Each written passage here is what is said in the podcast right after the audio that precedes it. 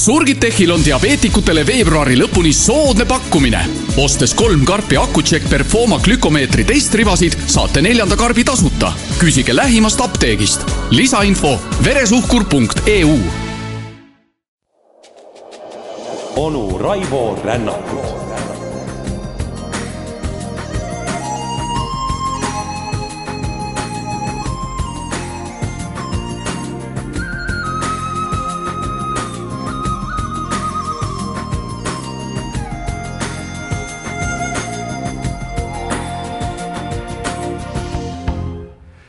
ja tere kaunist äh, pühapäeva hommikut ja otse loomulikult ka alanud aastat, sest tõesti, tõesti, onu Raivo Rännakut tervitavad teid sel aastal esimest korda. ja paraku oleme me nüüd äh, taas, äh, loodame, et mitte kauaks, ilma peremeheta ja võime uidata oma rännakutel, kuhu iganes hing ihkab. ning et alles elasime nii jõulupühad giidi all kui ka veel hiljuti ortodoksete ehk vene õigeusu jõulupühade aegu, siis mõtlesin, et teemegi väikese kõrvalepõike just nimelt sinna, kust Vene, täpsemalt Kiievi suurvürst Vladimir üheksasaja kaheksakümne kolmandal aastal tõi sisse riigireligiooni selleks, et lõpuks ometi kinnistada oma võimu ja luua midagi riigi sarnast ning et ta oli lausa lummatud sellest, millisel tasemel oli tol ajal Ida-Rooma riik ja teada on, et lääneriik ehk täpsemalt Rooma Kapitooliumi küngastel sõid lehmad ja kohalik pööbel lammutas Foorum Romanovi müüridest vajalikke ehituskive. aga Byzants hiilgas see lummas ja nõnda ongi meil. idanaaber siiamaani idakiriku üks võimsamaid tegijaid. ning just nimelt eh, sinna tahangi mina teid viia ja kui veel täpsem olla, siis eh, mingem ajahetke, kus eh, Rooma keisritroonile asub mees, kes teebki tegelikult ristiusust riigi, kiriku. niisiis tere tulemast mehe valitsemisaega, kes eh, ainult eh, erandiga Augustuse ja Justianuse puhul valitses kauem kui keegi teine ning eh, kes pöörates oma riigi ristiusku, tõi tohutu panuse läbi uue usu esilekerkimise maailma ajaloo areenile.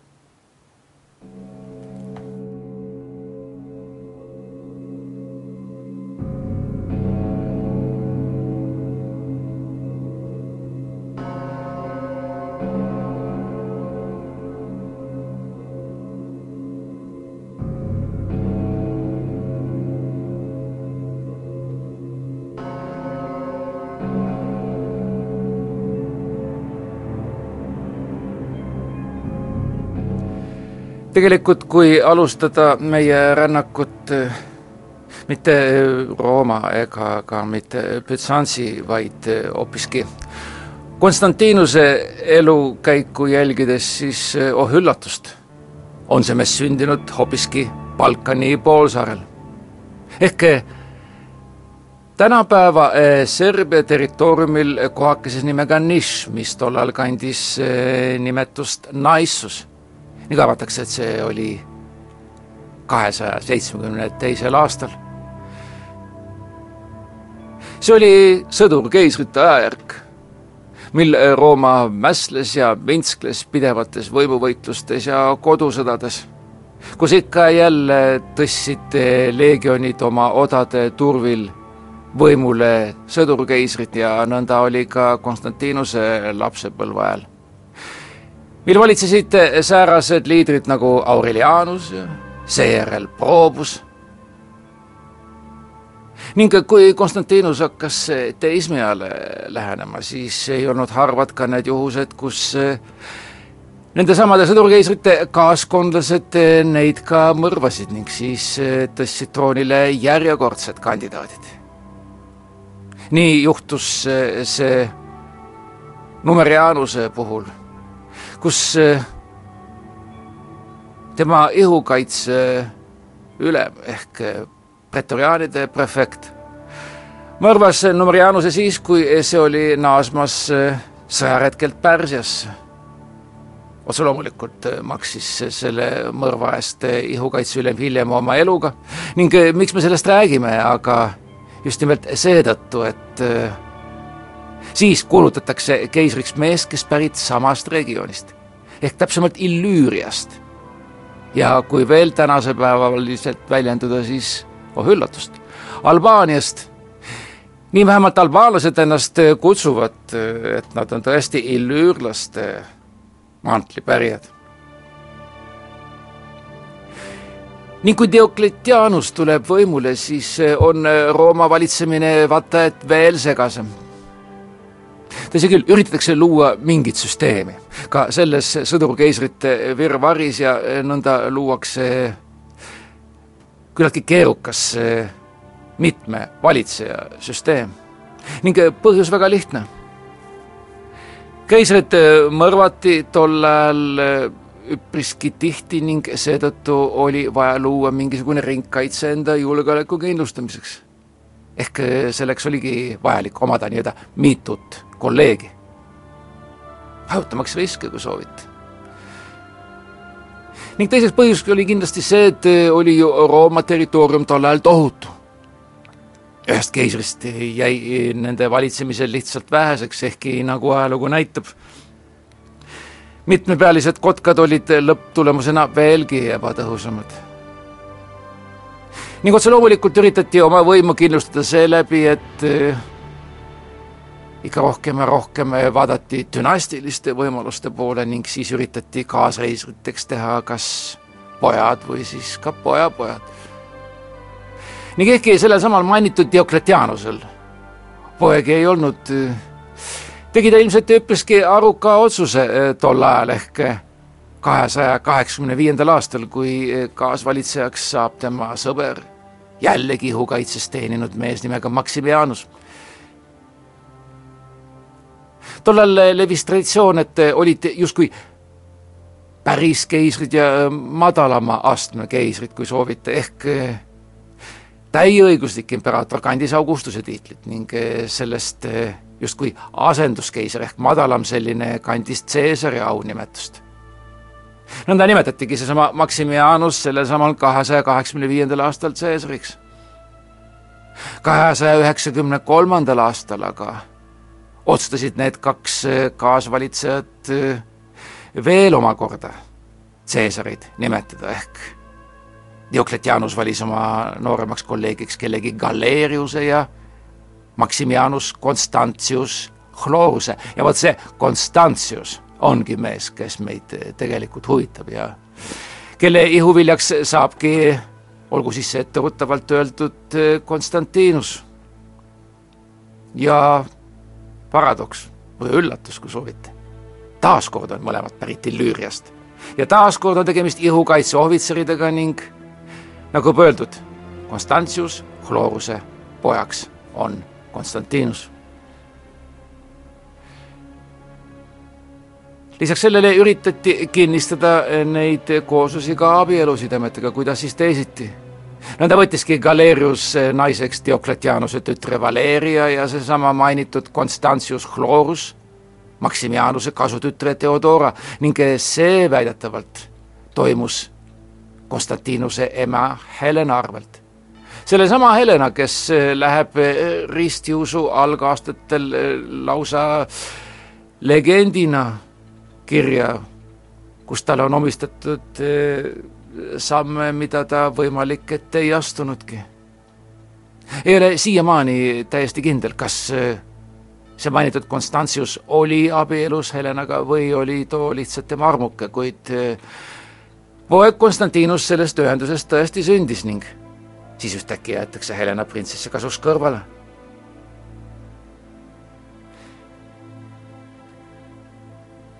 Paraku on see õige samm sest et eh, ka Theodora hakkab eh, oma mehele järglasi tooma ning otse loomulikult teeb see Konstantinuse ambitsioonid veelgi keerulisemaks. nüüd tuleb tal tõestada, et ta tõesti valitsejaks saamist väärib. ning otse loomulikult on kõige tõhusamaks sääraseks moeks teenida loorbereid lahinguväljal, kuidas siis teisiti? Nõnda alustas ju ülespoole liikumist ka suur Caesar ise ning oma esimesed loorberid lõikab ta Pärsias ja Donau tagustel maadel, kus elasid sarmaadid. Needsamad sarmaadid, kes oma raske ratsaväe lausa legendaarseks teevad ning ühe spekulatsiooni järgi annavad ka kuningas Arturi ümarlavarüütlit, kuid see on juba sootuks teine jutt, jäägem siis tõsifaktide lähedusse. esimene võimalus meid huvitaval Konstantinusel troonile pääseda avaneb esimesel mail kolmesaja viiendal aastal. siis, kui keisrid Rooma ajaloos esimest korda võimust loobusid. Ehk mõlemad Augustused, Diocletianus ja Maximianus, loovutasid oma troonid Caesaritele, Galeriusele ja Constantius Chlorusele. nüüd nimetasid need omakorda enda asemikeks Caesarid ning Konstantinus, kes lootis samuti sellesse rolli pääseda, pidi paraku üle elama pettumuse. Selleks sai hoopiski keegi Galeriuse õepoeg nimega Maximinus Daia kuna Konstantinuse enda ise. arvatakse, et see toimus Diocletianuse ja Galeriuse tugeval survel. nimetas Caesariks kellegi Severuse.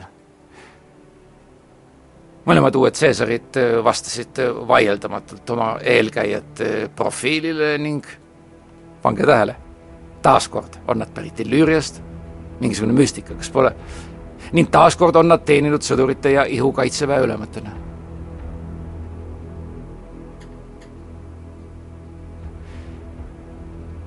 kuid juba mõne kuu pärast koidab noormehel uus võimalus troonile pääseda. nimelt Konstantinuse isa, kes nüüd valmistus sõjaks Põhja-Britannia barbaritega palus kolmesaja viienda aasta lõpul Galeriust, et too saadaks sellesama Konstantinuse idapoolsest pealinnast läände, kus ta võiks talle ettevalmistustel abiks olla. ning pärast mõningaid kõhklusi noormees ka teele asub. mis on need kõhklused ja milles seisnes see reisile mineku eripära, sellest, sõbrad, mõne hetke pärast onu Raivo Rännakut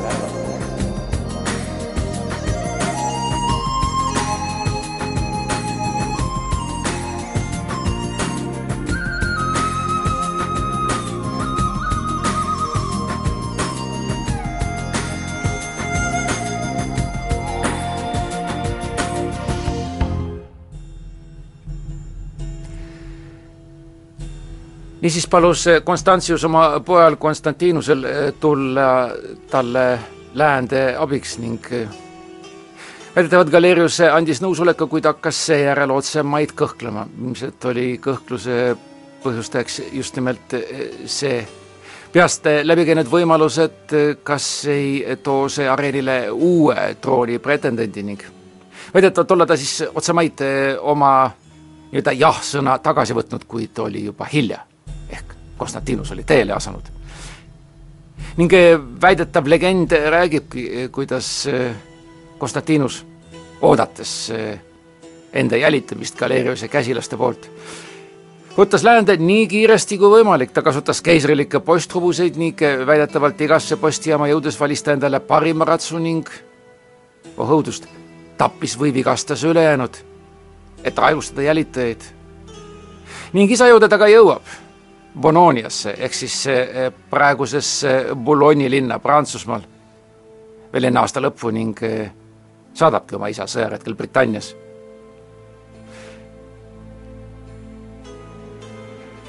lahingud, mis seal peetakse, vaatamata kõikidele raskustele, mis ikka jälle selle maakolkaga olid seotud, osutusid edukateks, kuid mitte Konstantiusele. nimelt jäi ta kolmesaja kuuenda aasta suvel haigeks ja juuli lõpus ka suri. ja nüüd on olukord, kus Konstantinus on justkui märkimisväärse sõjaväe eesotsas, ta on võimukeskustest kaugel ning sisuliselt on ta vaba äh, kolme ülejäänud äh, tetrarhi ehk siis kaasvalitseja mõjust. miks siis mitte kuulutada ennast täieõiguslikuks Augustuseks? Ning kahekümne viiendal juulil ta tõepoolest seda ka teeb. vaat see ongi põhjus, mida kartis Galerius, kui ta kõhkles loa andmisel ainuke lohutus oli see, et Konstantinus viibis, nagu juba öeldud, impeeriumi teises otsas ning eh, juriidiliselt ikkagi allus sõjavägi tetrarhia protokollile. Nõnda otsustabki Galerius järgi anda ning eh, lausa tunnustada Konstantinuse kuulutamist. ning Konstantinus olles nüüd varustatud nii-öelda ametlike kullide kirjadega, suundub Galliasse. ta jääb Galliasse tervelt kümneks aastaks, valitsedes peamiselt kohas nimega Arelates ehk siis praeguse Arli regioonis. Mis puudutab Roomat, siis oli vahepeal veel üks troonipärija selles samas tetrarhias rahulolematuks muutunud ehk endise Augustuse Maximianuse poeg Maxentius, kes väidetavalt äh, olla olnud sama auahne kui Konstantinus ning kes äh, sai kuulda, kuidas äh, Konstantinus oma isa järel troonile pürgis. veenis samuti Roomas pretoriaane, et ennast keisriks kuulutada. ning seesama Galerius otse loomulikult sellega ei lepi. nüüd saadab ta Severuse ehk lääne provintside Augustuse Itaaliasse selleks, et Maxentiuse võimu haaramine maha suruda. kuid Maxentiusel õnnestub oma vägedega manööverdada nii, et eh, hoopiski Galeriuse väed eh, surutakse nurka. täpsemalt vastu Rooma linna müüre. olgu öeldud, et Rooma seaduste järgi ei tohtinud Rooma regulaarvägi linna piirides viibida, nii et eh, see oli omamoodi lausa pretsedenditu. ning teisalt on paradoks ka see, et nii tohutu, nagu see territoorium oli ja eh, nii eh, provintsi päritolulised, kui see on nüüd õige eesti keel, kui paljud valitsejad said olema, eelnud tihtipeale nad oma ihusilmaga Roomat näinud ning uskuge või mitte, Galeriuse puhul oli tegemist sama fenomeniga ning see ilmselt mängiski oma rolli. ühtäkki on ta oma sõjaväega vastu Rooma müüre, mis on tohutud, mis avaldavad talle aukartust äratavat mõju ning samal ajal terendab ka peas võimalus, et ta peab laskma oma vägedel vallutada ja rüüstada Roomat nõnda avaldabki eh, seesama kaheteistkümne miili pikkune ja kahekümne jala kõrgune ringmüür oma mõju ning selleks, et säilitada oma sõdurite lojaalsus, Galerius tõesti langetab eh, otsuse mitte Roomat rünnata. Ta lubab selle asemel oma sõduritel teisi Itaalia provintse rüüstada ning siinkohal jällegi küsimärk, kuidas on võimalik, et üks valitseja elatab oma sõjaväge oma riigi territooriume riisudes, kuid jäägu see sinna paika.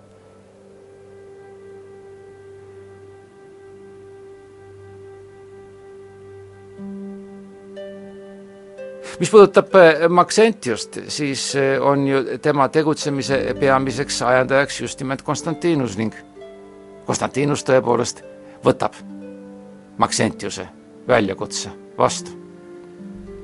mis puudutab viimast ehk Maxentiust, siis äh, nii vähe aega, kui ta keisar sai olla, üritas ta teha eh, nii palju kui võimalik, et eh, ennast inimeste silmis nii-öelda positiivselt kehtestada, ükskõik, oli see siis jõukaitse või Rooma pööbel või, või üleüldse kogu Itaalia elanikud.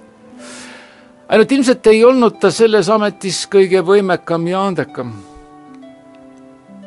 Mõne aja pärast läks ta kaasvalitseja Maximianusega tülli ning olgu öeldud, et Maximianus oli ju ei keegi muu kui tema enda lihane isa.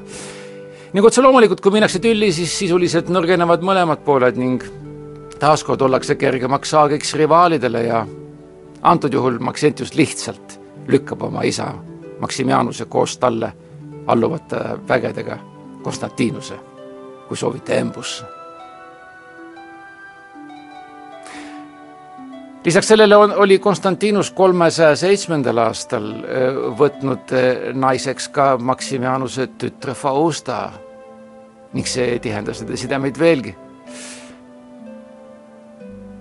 ning nüüd üritas Maxentius Maximianuse Itaaliast välja ajada.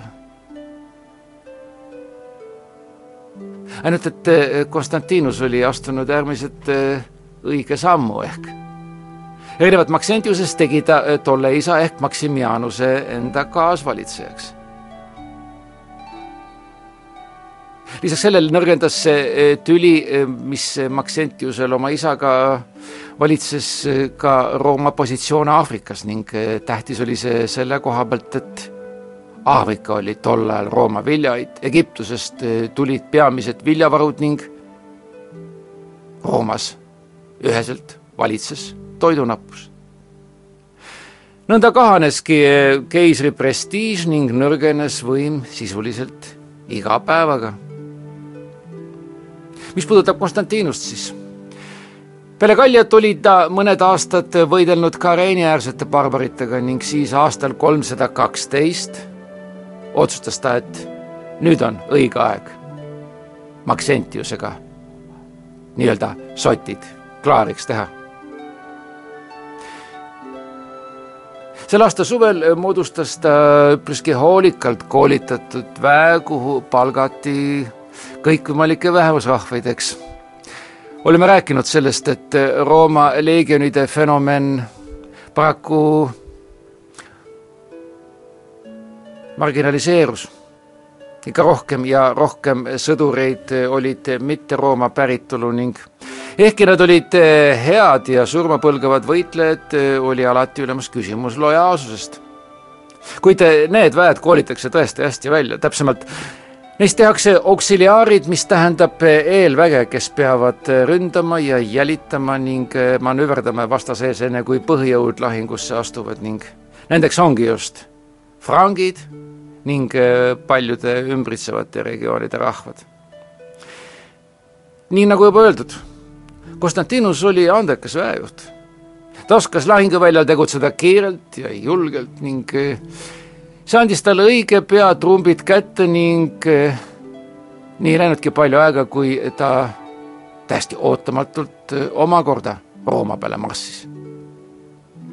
mis puudutab Maxentiust, siis kavatses ta Konstantinuse puhul kasutada sama strateegiat, mida Galeriusegagi ehk ta üritas provotseerida Konstantinust, et toogi alustaks seda riskantset ja demoraliseerivat äh, piiramist. ning selle sihiga lasi ta kogunisti lammutada üle Tiiberi jõe viivad äh, sillad, nende hulgas ka Mulviuse silla. Mulviuse sild, mille nimeline lahing on läinud ajalukku ning on äärmiselt tähtis episood kogu antud võimuvõitluses, sest just nimelt see sild jääbki Konstantinuse vägede teele. ainult et kui mööda Via Flaminia nimelist teed läheneb Konstantinus ning linnani jääb ainult mõni miil, ühtäkki Maxentius loobub oma strateegiast. Ning otsustab hoopiski Roomast välja marssida ning Konstantinusega nii-öelda lahtisesse avalikku lahingusse astuda, mis ilmselt oli vale otsus, sest nagu juba öeldud, Konstantinus oli lihtsalt väejuhina andekam. nii arvatakse, et ajendiks seda eh, tegema oli hoopiski ennustajatelt kuuldud teave, et Rooma vaenlane hukkub just sel päeval. Ning Maxentius arvab, et Rooma vaenlane loomulikult ei ole tema, vaid Konstantinus ning see talle selle kindluse ka annab.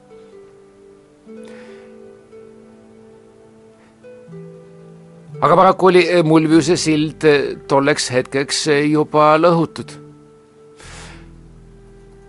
on üldtuntud tõde, et Rooma vägede insenerioskused olid lausa uskumatud.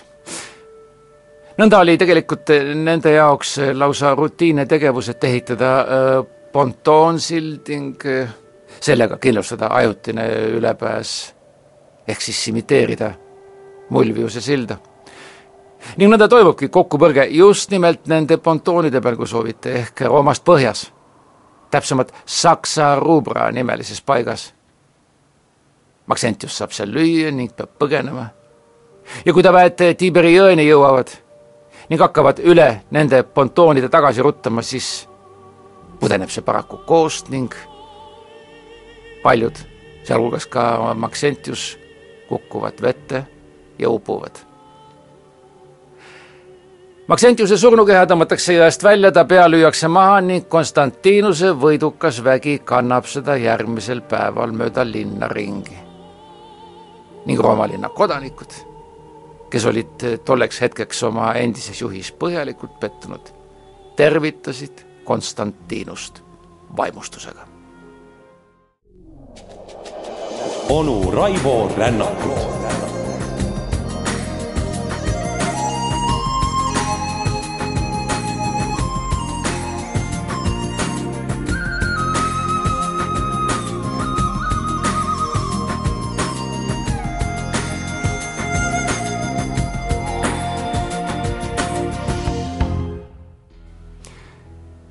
ja vot nüüd me jõuame eh, kõige legendaarsema episoodini, mis seotud, eh, nagu juba öeldud, eh, palju ka nii müütide kui ka kinnitamata faktidega, kuid just nimelt siis, kui Konstantinus valmistus Mulviuse silla lahinguks, nägi ta, nagu me kõik väga hästi teame, seda kõige tähtsamat nägemust kusjuures seda nägemust kirjeldavad äh, kaks allikat, äh, ükski napisõnaliselt ning tihtipeale ka üksteisele vasturääkivalt.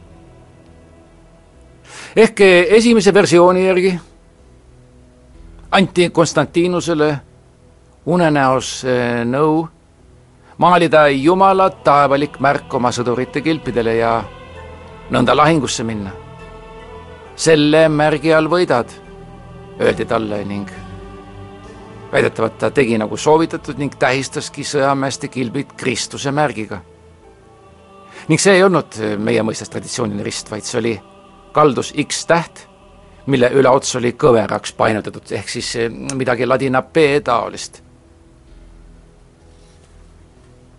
Konstantinus eh, nõnda talitaski ning nagu ajalugu seda kinnitanud, selle märgi all ta ka võitis teine allikas ehk mees nimega Eusebius, kes kirjutas ka Konstantinuse elu, toob ära järgmise kirjelduse. umbes keskpäeval nägi keiser oma silmaga taevas päikese kohal valguskiirtest ristikuulist märki ja selle juures kirja, mis kõlas. sellega sa võidad. ja kui ta magama oli jäänud, ilmus talle Kristus koos taevas nähtud märgiga ning soovitas tal see üles tähendada ning vaenlase rünnakute vastu kaitseks kasutada. on, kuidas on, kuid nagu juba öeldud, lahingu tulemused on kinnitatud fakt. mis puudutab edasist sündmuste käiku, siis juba esimesel aastal pärast Mulviuse silla lahingut vabastas Konstantinus kõik kristlikud vaimulikud riigiteenistuse kohustusest. ehk ta lihtsalt pakkus kirikutele osa impeeriumi tuludest. ehk nõnda astutaksegi esimesed sammud riigikiriku suunas ning huvitavaks teeb asja veel ka see, et ristiusu ametlikult võtab Konstantinus vastu vaata et oma surivoodil. kuid otsemaid hakkab ta osalema riigi uue usu elust. ta osaleb dispuutides, mis olid otse loomulikult puhkenud äh, kohe pärast tagakiusamise lõppu. iga võim, mis kehtestub, hakkab otsima ikka uusi ja uusi väljapääse mis puudutab mainitud äh, suuri tagakiusamisi, siis otse loomulikult tabasid nad nii üksikisikuid, perekondi, kogunisti terveid linnu ja otse loomulikult ka eraomandit. enne seda oli see vaata, et kõik kogukonnad kaheks rebinud, ehk siis äh, kristlasteks ja mittekristlasteks. ning peaaegu kohe pärast oma keisriks saamist kuulutab Konstantinus ka kõikides läänepoolsetes valdustes välja usuvabaduse. niisiis, esialgu vaid usuvabaduse ja mitte midagi rohkemat. muide, suur tagakiusamine oli üsna tõhusalt mõjunud ka Põhja-Aafrikas, kus hulk kristlasi olla viimaks alistunud alistanud eh, tagakiusajatele ning eh, loovutanud võimudele ka oma kirikuvarad ehk sisuliselt eh, loobunud oma usust, taganenud sellest. kuid mitte kõik ei ole sellega rahul. fanaatikud keelduvad tunnustamast säärast vaimulikke võimu, eriti nüüd, kus nad võivad ametlikult oma tegevust praktiseerida ning nimetavad neid lihtsalt taganenud liidriteks. nõnda kerkibki esile esimene tüli. tüli, mis läheb ajalukku nõndanimetatud donatistide lõhe nime all ning see tuleneb ühe sääraste usufanaatikute liidri Casa Nigra Donatuse nimest see tõmbab otsemaid keisri tähelepanu, rääkisime sellest, kuivõrd aldis oli ta osalema kõikvõimalikes dispuutides. ning selleks, et seda tüli vaigistada, lasi Konstantinus luua ka kaks kirikukogu on ju teada, kuivõrd arvukalt kõikvõimalikke kirikukogusid on eh, ristikirik läbi elanud ning kui paikapanevaid eh, otsuseid seal on tehtud, mille vilju maitseme me siiamaani. kas või mainitud Vene jõulude tähistamine sootuks teistsugusel ajal, kui seda on Lääne kiriku omad. ning esimene säärane tuleb kokku Roomas kolmesaja kolmeteistkümnenda aasta sügisel ning teine Arelates ehk siis äh, praeguse Arli territooriumil kolmesaja neljateistkümnendal aastal. ainult et äh, need mõlemad otsustasid nendesamade donatistide kahjuks. nii sisuliselt ei saavutanudki kumbki pool võimu ning äh, tuleb öelda, et see konflikt kestis veel lausa viienda sajandini välja. Konstantinus aga oli ennast avalikult näidanud äh, ristiusu heategijana ning ka äh, sellena, et ta tõepoolest oskas särasid tülisid aktiivselt lahendada. mis puudutab äh, Rooma võimustruktuure, siis selleks ajaks, kui Konstantinus Maxentiusele võidu saavutas, oli Diokletianuse tetrarhia süsteem sisuliselt kiiresti lagunemas ehk ikka veel oli olemas neli tunnustatud keisrit, ärgem seda unustagem. Konstantinus valitses nüüd läänes, Litsinius Balkanil, Galerius Anatoolias ehk siis praeguse Türgi territooriumil ning Maximinus idas. ning kui Galerius kolmesaja üheteistkümnendal aastal sureb, hakkab kolm alles jäänut omavahel tülitsema ning selleks, et eh, antud võimu kolmnurgas oma keskset asukohta maksma panna, pidi seesama Litsinus, kes valitses teatavasti eh, Balkanil, liituma kas siis eh, Maximinuse või Konstantinusega. ning arvestades Maximinuse üpriski agressiivset tegevust kolmesaja üheteistkümnendal aastal, tundus talle, et Konstantinus oleks mõistlikum valik ja nõnda saadaksegi kaks aastat hiljem kokku kohas nimega Mediolanum, mis samuti oli mõnda aega lausa Rooma riigi pealinna kandja. ning on teada, et selle liidu kinnituseks abiellub Konstantinus Maximinuse poole Konstantsiaga samuti nõustus Licinius ediktiga, mis tema valdustes kristlastele usuvabaduse andis. Ning seetõttu ka eh, kõik eh, tagakiusamise käigus kaotatud varad omanikele ka tagastas. tegelikult ei olnud selles mitte midagi revolutsioonilist, sellepärast et eh, enne oma surma oli endine raevukas vaenaja Galerius andnud välja nõndanimetatud sallivuse dikti ka selle kohta on palju spekuleeritud, kas oli tegemist mingi ärkamise või valgustuse või millegi muu sarnasega. Ainult et pärast Galeriuse surma seesama Maximinus eh, ignoreeris seda edikti ning väidetavalt taastas tagakiusamise veel viimast korda. mõnda siis ühe võimu poole peal tagakiusamine toimub, teise all aga mitte kuid kindlasti oli eh, Konstantinuse Liciniuse ühine toetus nõndanimetatud Milano ediktile ehk siis eh, sallivuse ediktile. Mõeldud just nimelt nende rivaali ehk Maximinuse tarvis hoiatuseks. tegelikult juba siis, kui Licinius läänes Konstantinusega läbirääkimisi pidas püüdis kolmas osapool ehk Maximinus neid selja tagant rünnata ehk ta viis oma väed üle Bosporuse väine Traakiasse. Kuid Litsinus oli Balkani regioonis nagu oma kodus. ta astus rivaalile vastu õige mitmes lahingus ning iga kord oli see vastuastumine ka edukas, nii et ikka jälle pidi Maximinus alistuma otsustavaks sai kolmesaja kolmeteistkümnenda aasta lahing. seal sai Maximinus otsustavalt lüüa ning eh, sellesama aasta lõpupoolel Tarsoses ehk siis Lõuna-Türgis ka oma otsa. nõnda jääbki tetrarhiast alles diarhia ehk sisuliselt siis kaksikvõim, Konstantinus ja Litsinus.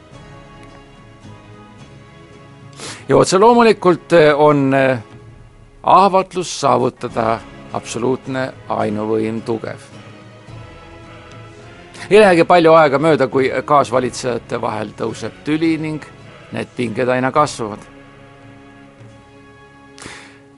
Need kasvavad siis, kui Litsinus eh, laskis pigi, eh, pikki territooriume lahutavat piiri rüvetada oma kaasvalitseja ehk Konstantinuse kujusid see viib kuni täieulatusliku sõja puhkemiseni ning rääkisime juba sellest, et Konstantinus oli lihtsalt sõjaliselt andekas ning ta paneb selle maksma. ta võidab oma vastast äh, otsustavas tähtsas lahingus äh, Tsibalae linna läheduses, mis asub praeguse Horvaatia territooriumil.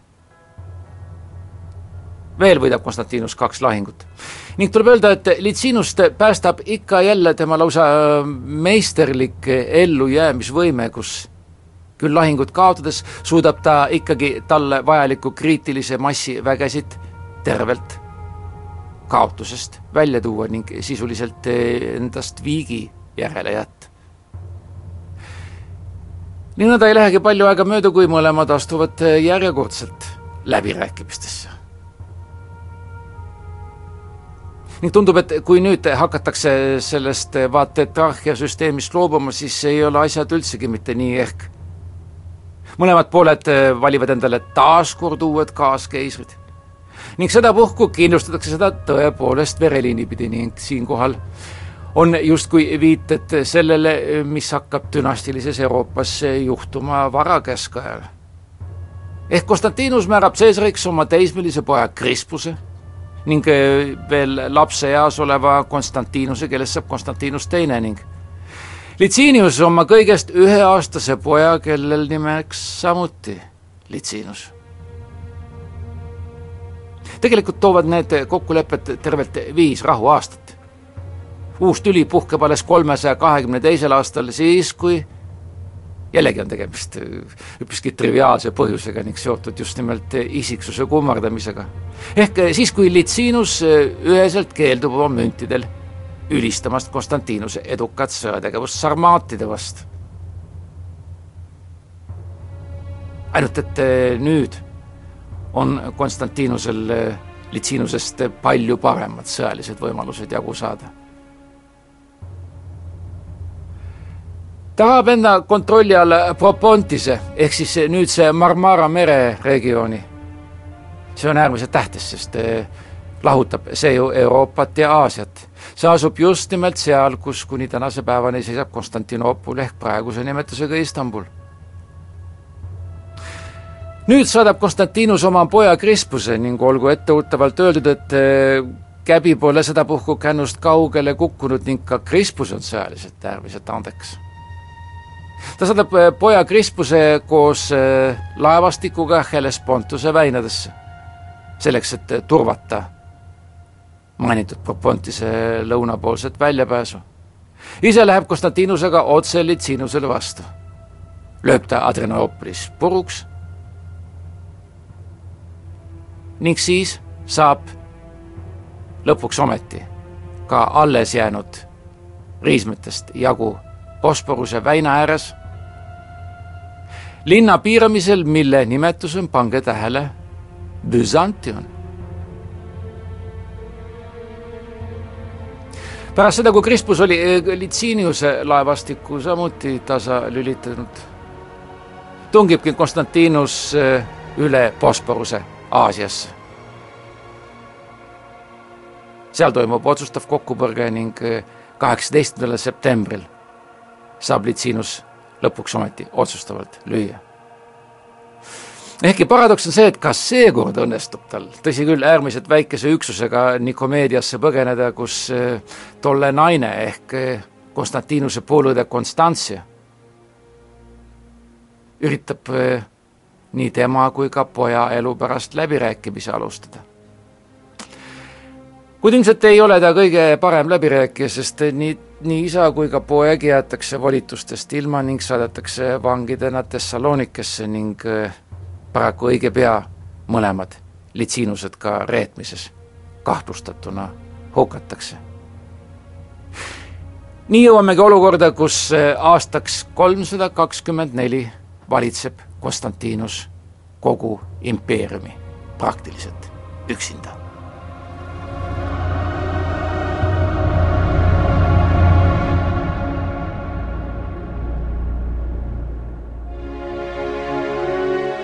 mis puudutab Konstantinuse valitsemist, kus ta nüüd lõpuks on sõdimisest vaba, siis hakkab see tasapisi muutuma.